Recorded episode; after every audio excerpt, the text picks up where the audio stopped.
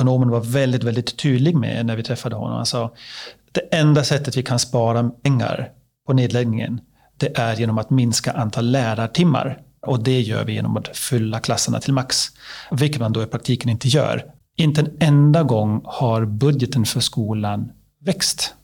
Den har alltid krympt.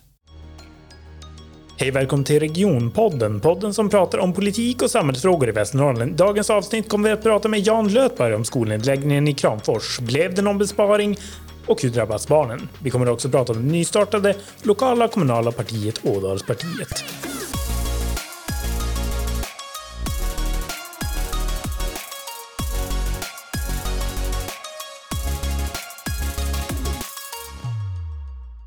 Idag sitter vi i studion i Härnösand och har en speciell gäst med oss. Jan Lötberg som kommer från Bollstabruk i Kramfors kommun. Hej Jan, kul att du är här idag. Hej Robert. Berätta lite om dig själv. Jag är 44 år gammal, flyttade hit från Tyskland eh, år 2007. Jobbar på Myndigheten för samhällsskydd och beredskap.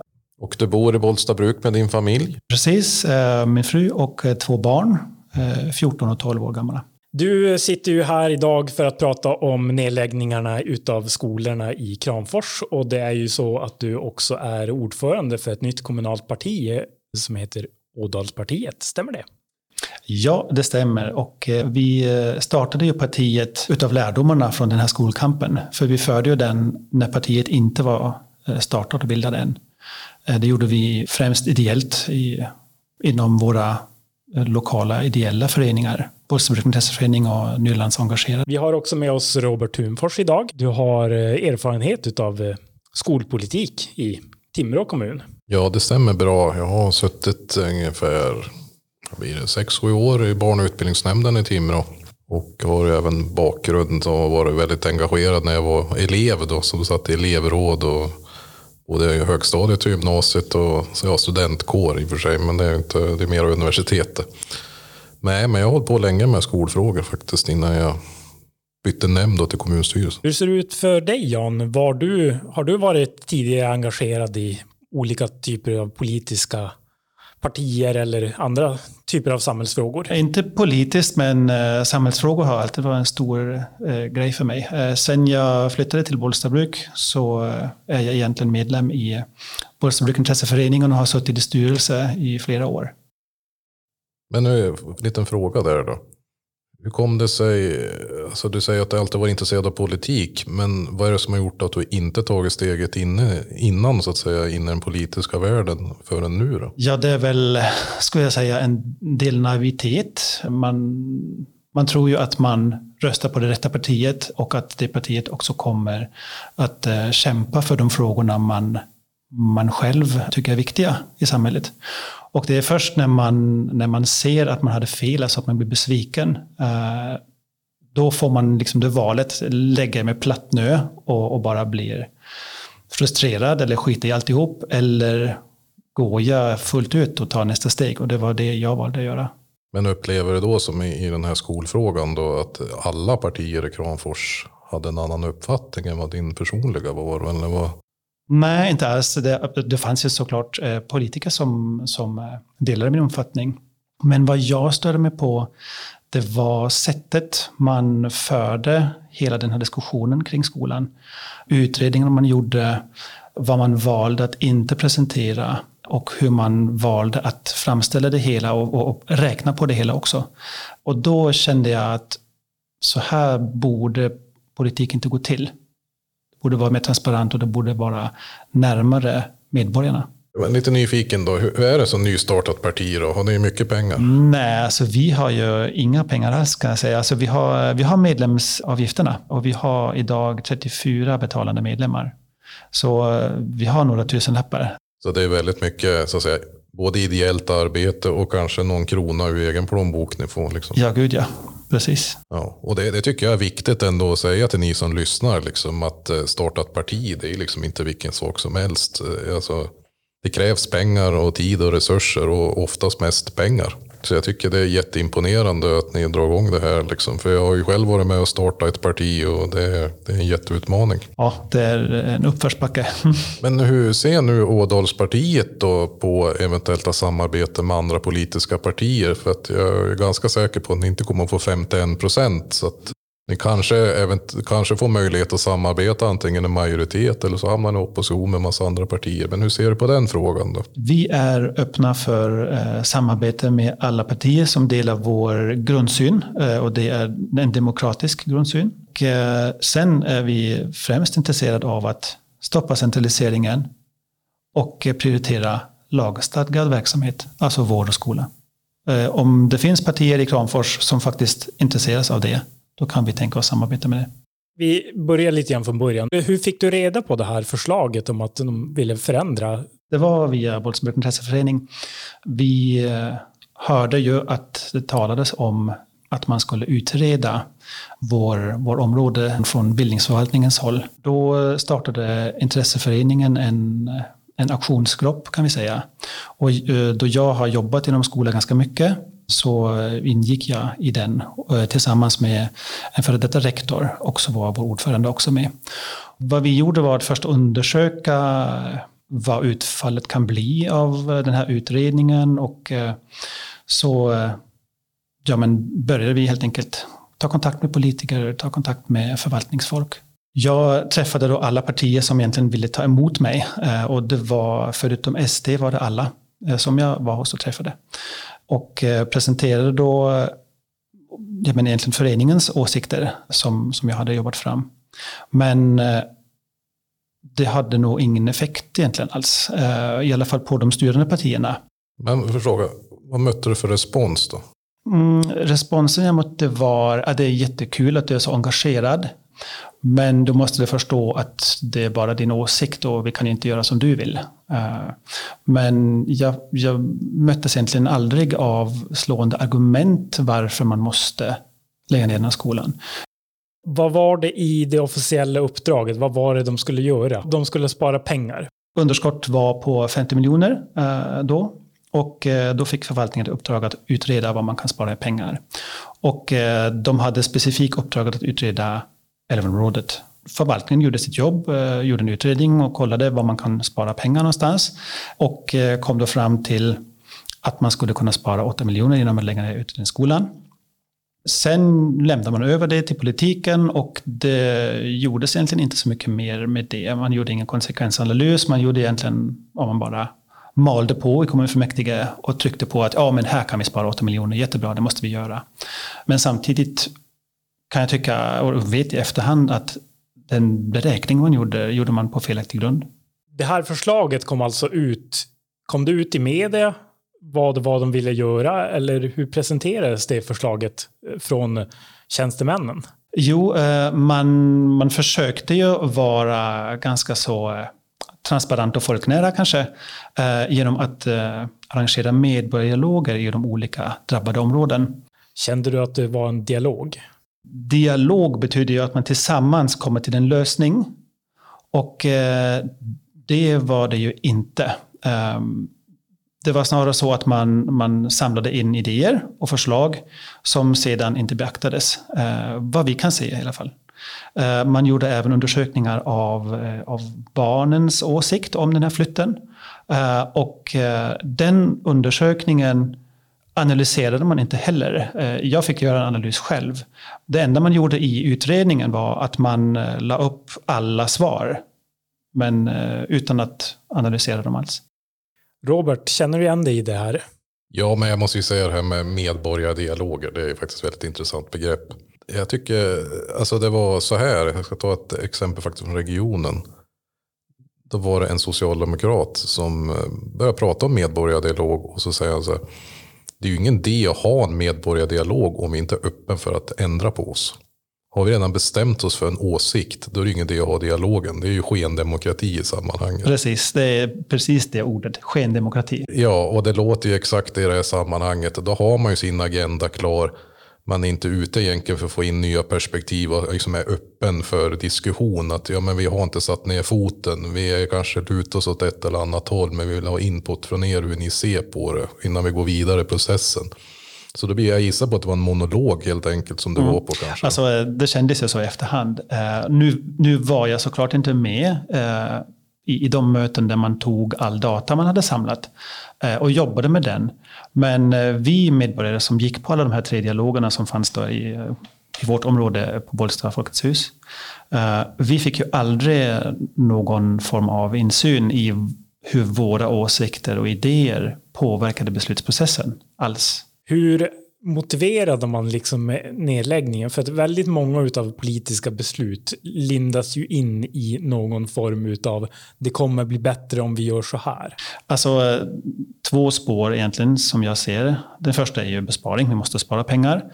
Men vi, vi väljer att lägga pengarna på elever och kvalitet istället för att lägga den på dyra byggnader. Det var liksom huvudspåret. Försökte de då berätta att det blir det är sämre kvalitet på en liten skola? Eller? Precis, det var resonemanget. Om vi har så många skolor, då kan vi inte ha behöriga lärare överallt och då blir kvaliteten lidande. Uh, och uh, jag vet att skolan hade över 85 procent behöriga lärare på den tiden. Så en jättehög behörighetsgrad om vi tänker på rikssnittet. Då. Eh, Plus att jag vet och har läst forskningsrapporter där man tydligt kan visa att mindre skolor levererar eh, elever som når bättre resultat eh, tack vare att tryggheten är mycket högre. Och trygghet står i direkt koppling till eh, prestation av en elev och inlärning. Jag har för mig att jag har hört att eh, även en skola i Nyland var hotad för nedläggning. Eh, ja, det dementerades ju sen i efterhand. Eh, men det var ju på tal att man skulle lägga ner eh, grundskolan i Nyland och göra om det till en förskola. Och få in barnen från Nyland i, i skolan i Bollstabruk istället. Men förvaltningschefen gick ut och, och dementerade det sen efter. Robert, känner du igen dig i den här processen kring skolor? Har du någon erfarenhet från andra typer av skolnedläggningar? Alltså det här med skolor är ju oftast en väldigt känslig fråga i ett samhälle. För det brukar många gånger vara liksom livsnerven för en by eller en tätort på något sätt. Och, och även förskolor ska jag ju säga är ju väldigt känsligt. Med, med all rätta. Eftersom det liksom inbringar någon form av framtidstro och så vidare. Eh, vi har väl haft tur i Timrå. Därför att de, när vi har slagit ihop skolor och så vidare så har det liksom varit självklart för att lokalerna har varit undermåliga och man har inte behövt flytta eleverna speciellt långt heller genom att det har varit inom den centrala tätorten. Då. Men vi hade ju en, eh, en stor diskussion även i Timrå i en del av kommunen som heter Ljustorp då, som är liksom landsbygdsdelen. Men det var exakt samma egentligen resonemang, att man ville spara pengar genom att slå ihop två skolor. Och då var det just att eh, landsbygdsskolan då skulle liksom flytta in till Bergeforsen som är liksom tätortsområdet. Då. Och det vart ju ramaskri såklart för de boende i Ljustorp. Då. Eh, för det vart ju mycket längre bussfärder och ja, man frågasatte såklart underlaget till det här. För det fanns liksom inga logiska skäl på något sätt förutom att man skulle spara in på en lokal. Som kommunen äger för övrigt också. Så att jag menar, även fast man inte har en hyresgäst så står man ju ändå med någon form av kostnad om man inte hade tänkt att kallställa lokalen. Det är ju samma eh, i vårt fall. Eh, för kommunen har redan tecknat ett eh, hyresavtal med ja, sig själv egentligen via Krambo. Att den lokalen hyrs till 2026 och vi har räknat fram att det är 14 miljoner som ligger då i, i låsta hyrespengar som man måste betala om inte man river byggnaden eller säljer bort den. Jag kan ju informera om att eh, jag har hört att den eh, byggnaden just nu ligger ute för försäljning. Mm, precis. Men eh, det finns ju en ganska stor risk att det på något sätt villkoras vad den här byggnaden får användas till. Jag var på en skoldebatt uppe i Ljustorp på bygdegården och det var ju proppfullt. Och ja, stort sett alla partier var på plats och vårt kommunalråd och vårt oppositionsråd och så kallade, de var inte där alls. Men, men, eh, och de stackare som skickade dit från sossarna och vänstern, för det är de som styr i Timrå. Då. Publiken var inte så glad kan jag säga efter den kvällen var, var slut. För de fick liksom inga tydliga besked. Men då ställer jag en fråga i den här debatten till sossarna och vänstern. Då. Ja, men om vi lägger ner skolan här nu, kommunen har kvar lokalen. Är ni beredd då att hyra ut den då till byalaget som har funderat på att starta en friskola? Jag tycker ni ska ge ett tydligt besked inför 300 personer nu. Ja eller nej? Vad tror du svaret vart? Ja, nej såklart. Nej, det vart inget svar alls. Utan tyckte det var ett fult angrepp av mig att ställa en sån fråga. Men det slutade med flera publiker, men svara på frågan istället. Ja, nej men det är ingenting vi har funderat på, vi har kollat på. Det, vi ska utreda konsekvenser, bla bla bla. Och då fick jag ordet igen och säga, ja ni hör ju det, ett icke-svar är ju också ett svar. Så med all sannolikhet kommer sossarna och vänstern inte släppa den här skolan till en friskola. Det kan jag vara ganska säker på. Liksom. Och det såg man på publikens reaktion också, samma sak. Mm. Jag skulle gissa på det samma då i Bollstabruk. Det får vi väl avvakta och se. Ja, det är högst troligt ska jag ärligen säga. Jag har ju varit med i sossarna så jag vet att friskola är inget populärt. Hos vänsterpartister är det liksom no, no, no. Om nu skolan ligger ut för försäljning så skulle det ju kunna komma in någon då som vill köpa skolan och starta upp en ny skola som eftersom den nu är nedlagd. Vad tror du den sittande majoriteten i Kramfors skulle tycka om det? Jo, jag kan ju tänka mig att man eh, såklart inte vill det. Jag ser nog inte att Socialdemokraterna och Vänstern kommer att eh, stödja någon form av privat alternativ. Jag tror man ska tydliggöra också det, för ni pratar hela tiden om politisk majoritet och det är bra för lyssnarna att veta vilka som styr i Kramfors. Just det, det är Socialdemokraterna och Vänstern. Ja, så alltså har vi det klart. Liksom. Vilken är den starkaste oppositionen i, i Kramfors skulle du säga? Jo, det måste väl ändå vara Centern. Uh, med, med oppositionsrådet Ida Staffrin. Men hur, hur, hur, agerade de i den här frågan? Centern? Um, jo, Centern var väl splittrad kan jag tycka. Uh, det var politikerna som, som kom från Älvområdet. De, de opponerade sig skolnedläggningen. Men uh, kustcentern, de, de röstade för att lägga ner. Så det var ganska så mitt, mitt i tu splittrad. Och det som ska vara ett landsbygdsparti? Ja, det var ju många som hade röstat på dem som var väldigt besvikna efter, såklart. Eh, när valrörelsen var igång 2018, var det några, var liksom skolfrågan och specifikt då eh, skolor utanför centralort någonting som, som partier pratade om? Jo, absolut. Um, och uh, man fick då eh, beskedet att vi, vi kommer att uh, göra en utredning men vi har inte fattat ett beslut. Så det var liksom att ja, men det finns inget beslut att lägga ner, det var budskapet. Vilket i och för sig också var sant, för beslutet fattades ju efter. Men eh, vad vi har lärt oss i intresseföreningen, som har fört den här kampen, eh, den här kampen då förra gången man ville lägga ner samma skola, eh, det är att från politiskt håll hade man lärt sig mycket mer och föra det här, göra det här smart. För förra gången så var det en, en fråga som skulle beslutas om precis innan kommunalvalet. Eh, så det var en het potatis då. Men den här gången valde man att först ha valet och direkt efter valresultatet gå ut och försöka lägga ner den. Så det var tajmat mycket, mycket klokare. Så eh, det kunde inte bli en, hel, en, en het valfråga helt enkelt. Det är ju faktiskt en ganska, fel att säga vanlig, men eh, det finns ju en politisk strategi att man gör så. Därför att direkt efter ett val pratar man om form av window of opportunity. Att jag har tre till sex månader på mig nu att ta massa obekväma beslut. För att då ska det vara bortglömt fram till nästa valdag. Och då förstår jag ju det när du berättade. För jag hade ingen aning om att drev man den frågan strax före ett val. Det är ju att skjuta sig rejält i foten som politisk majoritet klart då blir det en jäkla uppståndelse när man ska in i en valrörelse och börja prata om obekväma beslut som en nedläggning är. Så att jag hör ju direkt att det var ju väldigt smart av dem att göra så. Då. Så då hoppas väl de då att det här är bortglömt om fyra år. Tror du att de kommer glömma, väljarna kommer glömma bort att det... Nej, absolut inte. Det är ju vårt uppdrag att se till att ingen glömmer det här. Får påminna dem varje halvår.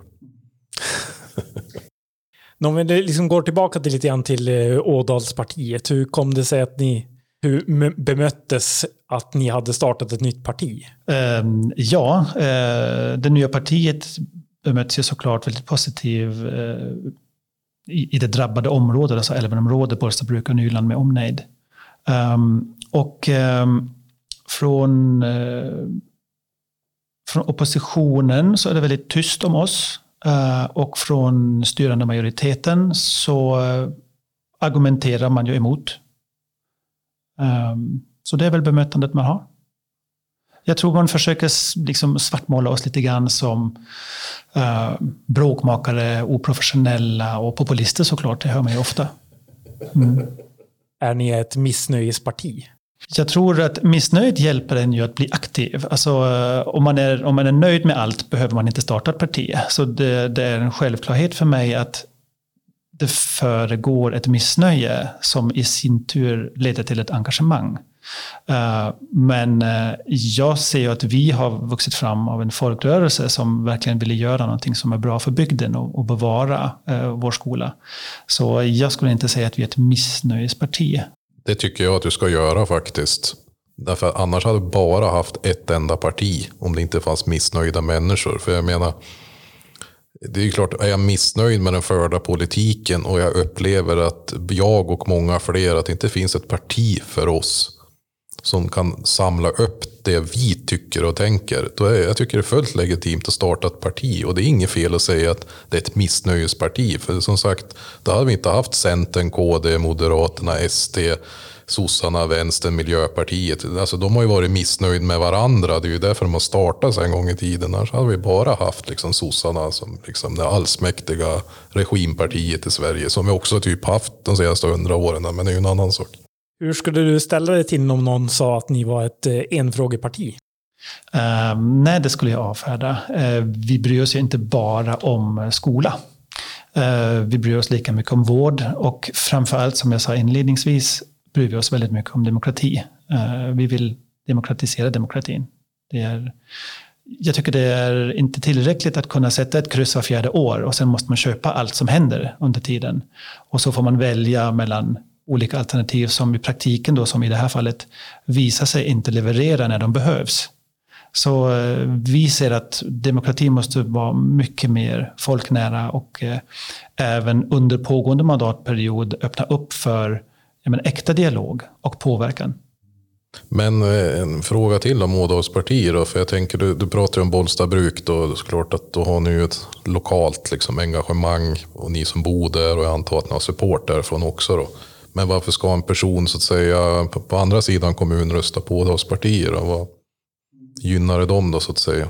Det som ju är en av våra huvudfrågor är ju att stoppa centraliseringstrenden som drivs ju på väldigt hårt. Eh, om du bara tar Bollstabruk som ett exempel, men det, det, finns ju på andra orter och, och glesbygdsorter i kommunen.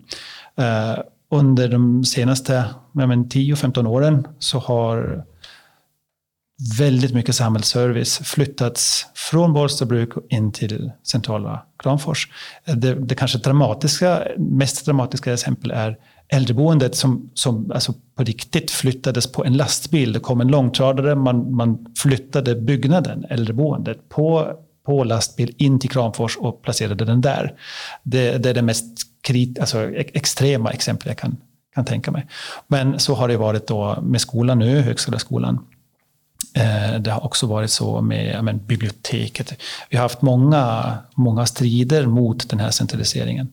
Och den, den vill vi verkligen stoppa. Och det gynnar ju i sin tur då eh, folket i kusten. Eh, folket som inte bor just centralt i Kramfors. Men om man är djävulens advokat nu då. Alltså det låter ju väldigt bra. Men om en kommun inte får ihop ekonomin då? Vad är, vad är lösningen på problemet då, då? Hur ska du få plus och minus och bli jämnt? Höja skatten? Då? Höja skatten är ju en möjlighet, väldigt impopulär såklart. Eh, men eh, jag var på kommunfullmäktige en gång i Kramfors och det var chefsekonomen som pratade.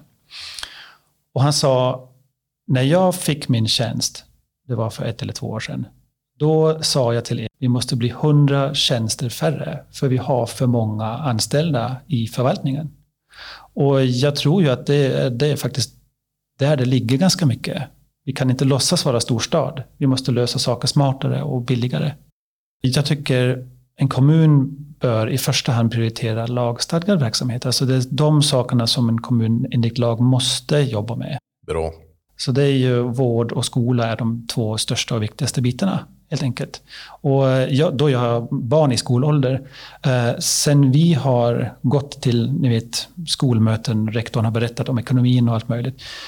Inte en enda gång har budgeten för skolan växt. Den har alltid krympt. Samtidigt har lärarlöner utvecklats, kostnader har utvecklats, inflationen har funnits. Så eh, i praktiken krymper alltså budgeten för skolan med varje mandatperiod. Mer och mer och mer. Ja, varför jag så bra också att du har det resonemanget John. Därför att kommunerna lägger massvis på pengar på saker som inte är lagstiftade så att säga, eller tvingade. Där man fokuserar på, ja det är inte oviktigt för jag att lägga till, men det är turism, näringslivsfrågor, det är liksom en massa andra grejer som, ja men det är bra för en kommun att kunna erbjuda sådana saker, men det är inte ett måste. Och min upplevelse är ju det att ibland tycker en del ledande kommunpolitik, kommunpolitiker som sitter i majoritet att sådana frågor är mycket roligare än de här grundläggande frågorna skola, vård och omsorg. Ett konkret exempel från Kramfors är då till exempel det här med eh, ridhuset. Under pågående skolkamp blev jag uppringd av en visselblåsare. Hon var med i ett eh, parti och visste att man hade gjort en utredning av det befintliga ridhuset, vad man skulle behöva göra för att tilläggsisolerade så att man kan använda det längre under året, alltså tidigare på våren och längre in i hösten. Och eh, hon påstod då att det var 6 miljoner det här skulle ha kostat för att alltså då tilläggsisolera ridhuset så att det går att använda mycket längre. Och något år senare så kom det helt plötsligt någonstans ifrån ett beslut att ja men visst, vi skulle ju bygga ett nytt ridhus som då kommer att kosta 26 miljoner om det ens stämmer. Om inte notan blir ännu högre till slut. Och då, då, då undrar jag ju att vi bygger alltså ett helt nytt ridhus för 20 miljoner mer än vad det skulle ha kostat att isolera det befintliga. Och så lägger vi ner en hel högstadieskola som är liksom en viktig, viktig livsdroppe i en hel bygd. För att spara 8 miljoner. Som vi i själva verket inte ens sparar. Hur gick det med beslutet? Um, beslutet fattades då i eh, kommunfullmäktige. Um, vi hade lyckats att uh, samla ett antal politiker från oppositionen uh, bakom oss. Man gjorde en, en omröstning om en minoritetsåterremiss. Det betyder alltså att en, en minoritet i kommunfullmäktige bestämmer att underlaget är så pass dåligt att man behöver återremittera ärendet göra ett bättre arbete, kanske ta fram den här konsekvensanalysen man inte hann göra. Eh, och så beslutar kommunfullmäktige en gång till, den här gången med ett bättre underlag. Och eh, för det behövde vi, nu vill jag minnas att det var 14 ledamöter vi skulle ha behövt och eh, vi fick 13 ledamöter med oss. Så frågan röstades Eh, ner. Minoritetsåterremissen blev inte till och med det så kunde man då lägga ner skolan. Vad blev det för konsekvenser för, för samhället att eh, skolan lades ner? Mm. Alltså, vi har ju fortfarande eh, grund och, låg och mellanstadieskolan kvar. Vi har också förskolan. Men våra, våra högstadiebarn behöver helt enkelt åka in till Kramfors. Och vi ser ju att orten som sådan, hela området, Bollstabruk, Nyland med omnejd, har ju blivit snäppet mindre attraktivt för inflyttning. Eh, och vi bryr oss ju såklart om att våra bygder ska fortbestå och att vi fortfarande ska ha folk som väljer att eh, bosätta sig i den delen av kommunen. Hur många elever är det som eh, varje dag nu måste pendla in till Kramfors? Eh, man har ju delat upp, en del pendlar till Kramfors, en annan del pendlar då till eh, Skog, Härskog, till Höga Kustenskolan. Men det är 130 elever ungefär. Vad är det för avstånd däremellan som vi pratar om och restid?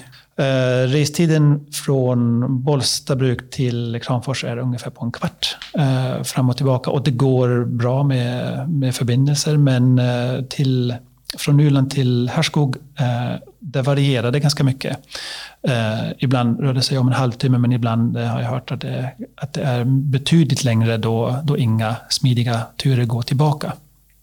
Om vi går, återgår till ekonomin då.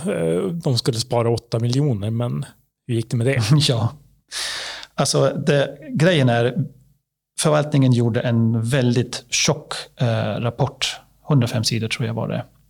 Och jag läste hela utredningen. Eh, och just om besparingen för att lägga ner skolan, då var det typ bara en A4.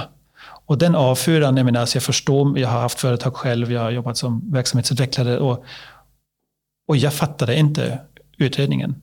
Så jag tänkte, om inte jag förstår, då måste jag gå till den personen som har räknat. Och det var det vi gjorde från Bålsbergs intresseföreningen. Det var eh, en kollega och jag som, som bokade möte och eh, träffade då ansvarig ekonom. Och eh, vad ekonomen berättade för oss, vad inte stod i den här utredningen, det var att 8 miljoner det sparar vi bara om vi inte utökar antalet klasser. Om vi alltså då krymper antalet klasser vi har. Med andra ord, om vi tar alla barn som går på utlänningsskolan och så stoppar vi in dem i befintliga klasser i Kramfors och i Härskog. Och förvaltningschefen pratade faktiskt om klassstorlek på 30. Det var hennes mål, för då, då började vi få ner antal klasser. I praktiken var det så att man startade två nya klasser redan i fjol i Härskog, när barn från, från Nyland valde i förtid då att gå på skolan där så att barnen skulle slippa att de går på en skola, skola och en, ett år senare så läggs den ner redan. Och även i Kramfors nu har jag hört att man, man inte har klasser som är större än 25. Så alltså, i själva verket så har vi nog inte fått mindre klasser. Vi har precis samma antal. Och eh, när det väl blir mindre klasser, då beror det inte på att man har lagt ner den här skolan. Då beror det på att alltså, elevantalet i Kramfors minskar naturligt.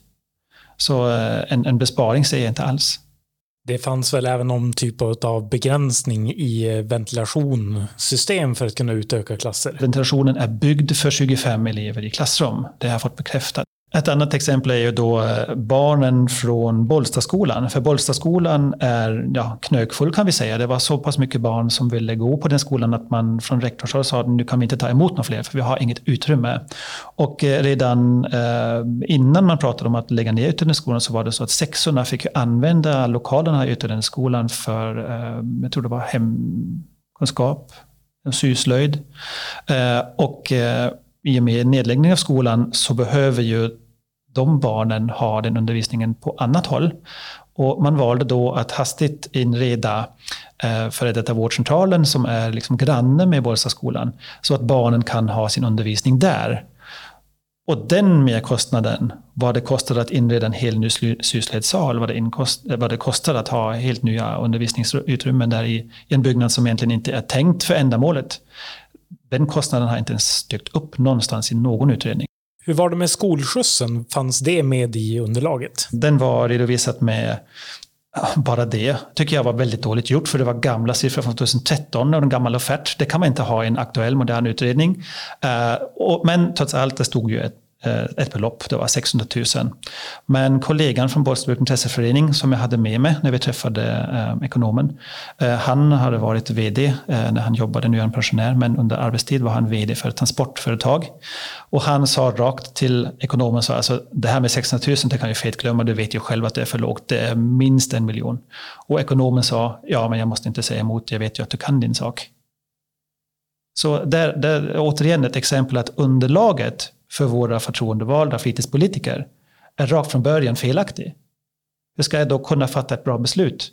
Vad får det här för konsekvenser för, för barnen? Hur blir det med deras restid och blir kvaliteten bättre i undervisningen? Jo, alltså um, om vi tar mina barn, vi har ju turen att vi bor i Bollstabruk trots allt, så, så vår restid växer då, säg max med 40 minuter uh, per dag. Min dotter går på Gudmoraskolan nu jag ser ju att hennes, hennes vardag blir ju lite fullare. Eh, för under restiden på bussen så kan hon ju inte plugga och, och då får hon ju ta sina läxor när hon kommer hem helt enkelt. Det är värre för barnen i, i Nyland. Men jag tror den, den riktiga, det riktiga problemet är inte restiden för barnen. Det är ju att de hamnar i en mycket, mycket större skola som har haft, vad vi vet, trygghetsproblem redan innan det var, var verkställt, det här Eh, ni minns kanske att det var insändare i tidningen om där eleverna själv kände sig manade att, att, att, faktiskt skriva en, ut, en insändare för de tyckte att tryggheten hade blivit så pass dålig. Och det var innan en hel ny skola införlivades i den skolan. Så jag, jag förväntar mig ju att det kommer att bli större problem för, för elevhälsoteamet. Och ärenden som de måste jobba med kommer att bli mycket, mycket mer. Vi, jag tyckte det var också lite cyniskt att man i skolnedläggningsfasen ha, ha undersökningar där man verkligen ställer enkätfrågor till barnen. Och enkätfrågorna visar väldigt tydligt att 80 procent av barnen ser nackdelar med flytten. Och så skiter man fullständigt i det, man bara printar det rakt av i, i luntan där utan att kommentera det, utan att analysera det, utan att räkna fram att det är 80 procent som har gjort det. Nu, nu har vi kommit fram till att det här är ett väldigt dåligt förslag som egentligen inte kommer att spara några pengar, vilket var syftet med det. Så, så varför gick det här förslaget igenom? Vi har en syn på det eh, och det, även den kommer ju tack vare en visselblåsare som hörde av sig och bad oss att granska elevunderlag och elevstatistik och inte bara i eh, upptagningsområdet för Ödelenskolan men i hela kommunen. Och det gjorde vi eh, i Bollstabruk intresseförening och så såg vi att det var ett jättestort elevtapp i upptagningsområde Gudmundsskolan, alltså i centrala Kramfors, där av naturliga skäl elevantalet sjunker helt enkelt. Man ställer sig frågan, lägger man bara ner skolan i, i eh, grannorten i glesbygden för att kunna fylla på den befintliga skolan så att inga större förändringar måste göras och den säkras? Det är, det är den känslan jag får. För eh, upptagningsområdet hade grundskolan, eh, låg och mellanstadiet, har så pass många elever att de inte ryms. Och elevantalet i, i skola i Nyland, i, i lågskalaskolan Nyland, är också jättestor. Vad ska de eleverna gå till? Vilken skola? Vilken högskoleskola kan de på? Ja, men klart de går i Bollsta utan en skola om bara fem sex år. Så elevunderlaget är inga problem i den, i den delen att driva skolan på. Ja, jag ser bara att det är så en, en centraliseringstrend man har. Man vill få allt in i centrala Kramfors som man påstår att det är billigare då. Jag måste säga att jag blir lite bekymrad över att du hela tiden tar upp det här med visselblåsare. För det jag reagerar på där Jan, det är ju liksom att ni verkar ju ha någon sjuk kultur då i så fall i kommunen. För jag menar som en kommunal tjänsteman ska jag ju kunna höra av mig utan att vara orolig för repressalier. Och, alltså det låter ju lite så, det får ju rätta mig om jag har fel. Nej, men det har vi stött på många gånger, alltså från lärarsidan. Alltså vi har hört så pass mycket, men ingen vågar att, att ställa upp med sitt namn. Vad tror du det beror på? Det, det är en, en, eh, en kultur eh, på förvaltningen. Alltså det, det, handlar om att man är rädd, helt enkelt. Eh, man får inte säga någonting, man får på, på käften om man uttalar sig kritiskt. Det, det är också från, eh, från företagssida. Vi har haft många företag som har lyft att vi vill gärna stödja och bidra. Men ni får aldrig säga våra namn för då kommer vi inte få uppdrag framöver. Så det är den stora rädslan man har. Eh, nu vet jag inte om den är berättigad men den finns där så den är äkta. Och det är därför man väljer att, att äh, agera visselblåsare. Alltså det låter jätteallvarligt tycker jag. Alltså där är det ju verkligen någonting att ta tag i i så fall. För du pratar ju ena gången om kan man säga, tjänstemannastyre på ett sätt. Och sen så har det kanske de som är neråt i organisationen och som känner en enorm rädsla över att gå ut och säga att så här faktiskt ser det ut, så här är det. Och delta i liksom debatten på något sätt ändå. Och det tror jag ju om ni kommer in nu förhoppningsvis då i fullmäktige 2022 så har du en jätteintressant fråga att jobba med där. För mig är eh, transparens en väldigt viktig fråga och, och det innebär att som chef behöver jag lyssna på, på min första linje. Jag behöver lyssna på vad, hur är situation? Vad, vad behöver vi förbättra? Eh, och jag behöver såklart lyssna på medborgarna, på föräldrarna, på barnen. Alltså det, det är grundförutsättningen för att ett samhälle kan fungera. Att de som styr och leder har örat neråt. Men Jan, hur kommer man i kontakt med dig då och Ådalspartiet om man vill veta mer eller engagera sig och bli medlem eller ja, ställa lite frågor till dig? Vi har en sida på Facebook, Ådalspartiet, och eh, jag finns på Facebook på Messenger också och eh, det gör även Madeleine Kurtz som är också styrelsemedlem i partiet. Ja, det är dags att grunda av och vi tackar dig Jan Lötberg för att du kom och besökte podden. Vi har i detta avsnitt hört Jan Lötberg, den engagerade Kramforsbon som protesterade mot nedläggningarna i skolan i Kramfors och gett sig in i politiken för att starta ett nytt kommunalt parti, Ådalspartiet. Skolor lades ner, samhället blev sämre, det kostade mer pengar och barnen fick ta smällen. Till alla lyssnare så önskar vi er en fortsatt trevlig dag. Glöm inte bort att följa oss på sociala medier. Hej då! Hej då. Hej då!